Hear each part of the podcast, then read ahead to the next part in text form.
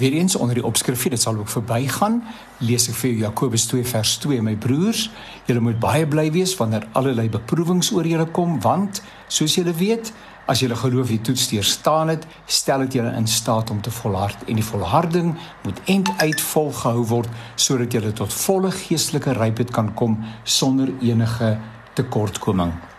COVID-19, mens dom, dit was dan vir jou 'n ontstellende affære nie waar nie.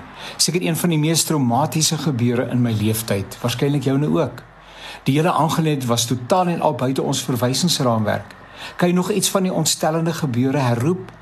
Afsondering en sosiale afstand, ontsmettingsmiddels by elke deur waar jy inloop, en dan moet jou temperatuur ook al nog gemeet word in registers wat voltooi moes word skole en besighede aanvanklik gehele aangesluit en dan amper soos beerdkrag so vir 'n paar dae op 'n slag oop inenting en woordestryd in die verband wat dikwels sommer baie baie onvriendelik verloop het.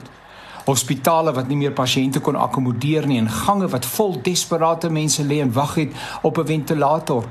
Dit was so sleg dat besluite geneem moes word wie se kans op oorlewing die grootste en waarskynlikste is en die behandeling daarin gekanaliseer word Met verwagting het ons geluister na die aankondigings van ons geagte staatspresident en dan maar net weer gehoor dat die dra van maskers en alles wat daarmee saamhang nog eens verleng is.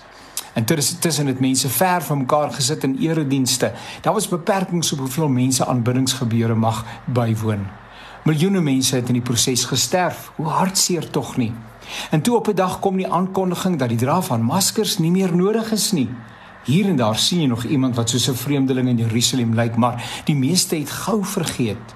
Hoe lank is dit nou 2, 3 maande gelede en COVID-19 is vergete.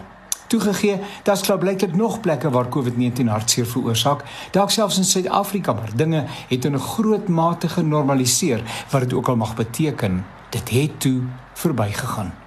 Die spreekwoord this too shall pass kom by my op die gunsteling sê ding van 'n staatspresident van die FSA, Abraham Lincoln. Nou Abraham Lincoln was 'n Amerikaanse prokureur en staatsman wat vanaf 1861 tot met sy sluipmoord in 1865 as die 16de president van die FSA gedien het. Die spreekwoord kom in die middeleeue, so rondom 1200 na Christus, en dit beteken doodgewoon dat alle materiële toestande, goed of sleg, uiteindelik van verbygaande aard is. Alhoewel die spreekwoord nie net so in die Bybel voorkom nie, is die saak nie onbekend nie. Een so voorbeeld vind jy in Galasiërs 6 vers 9. Laat ons dan nie moeg word om goed te doen nie, want as ons nie verslap nie, sal ons op die bestemde tyd die oes insamel.